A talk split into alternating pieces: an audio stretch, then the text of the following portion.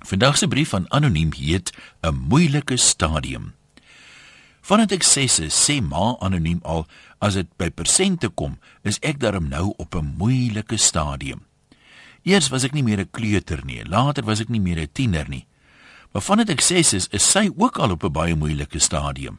'n Ma kan tog seker net soveel badsout en waslappe en gesighanddoekies gebruik. Toe ek eendag weer sê dis regtig moeilik om 'n geskenk te kies vir 'n vrou wat alles het, sê pa anoniem in sy dae het die dokters altyd penicillin voorgeskryf vir mense wat so sieklik is dat dit lyk of hulle alles het, maar penicillin is nou glo van die mark af. Is regtig moeilik vir kinders omtrent van alle ouderdomme om geskenke vir hulle ouers te gee. As jy nog klein is, dan kan jou ma gewoonlik nie die nuwe kar bekostig wat jy graag vir jou pa wil gee nie. En as jy groter is, is jou sakgeld nogal 'n beperkende faktor. En later in jou lewe, as jy nou dalk 'n oordentlike geskenk kan bekostig, dan keer jou ouers weer verwoed. Moet tog nie jou smaar verdiende geldjies op ons mors nie. 'n Mens uh, glo mos al vir geskenke is 'n manier om jou dankbaarheid te toon vir al die opofferings wat jou ouers deur die jare moes maak om jou groot te kry. En in sommige gevalle selfs uit die tronk te hou. So as jy baie dankbaar is, dan kan 'n klein geskenkie dit mos nou nie heeltemal oordra nie.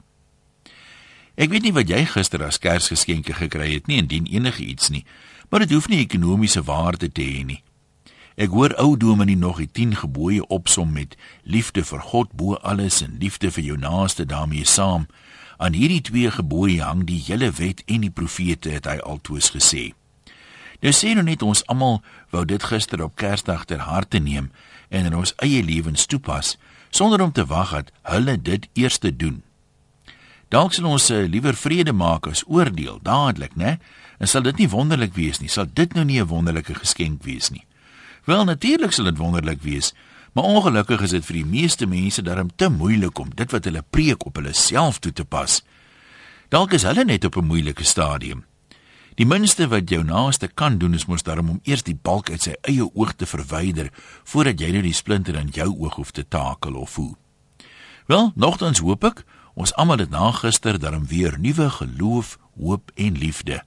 Of wat het ons dan bedoel toe ons gesê het geseënde Kersfees? Groete van oor tot oor. Anoniem.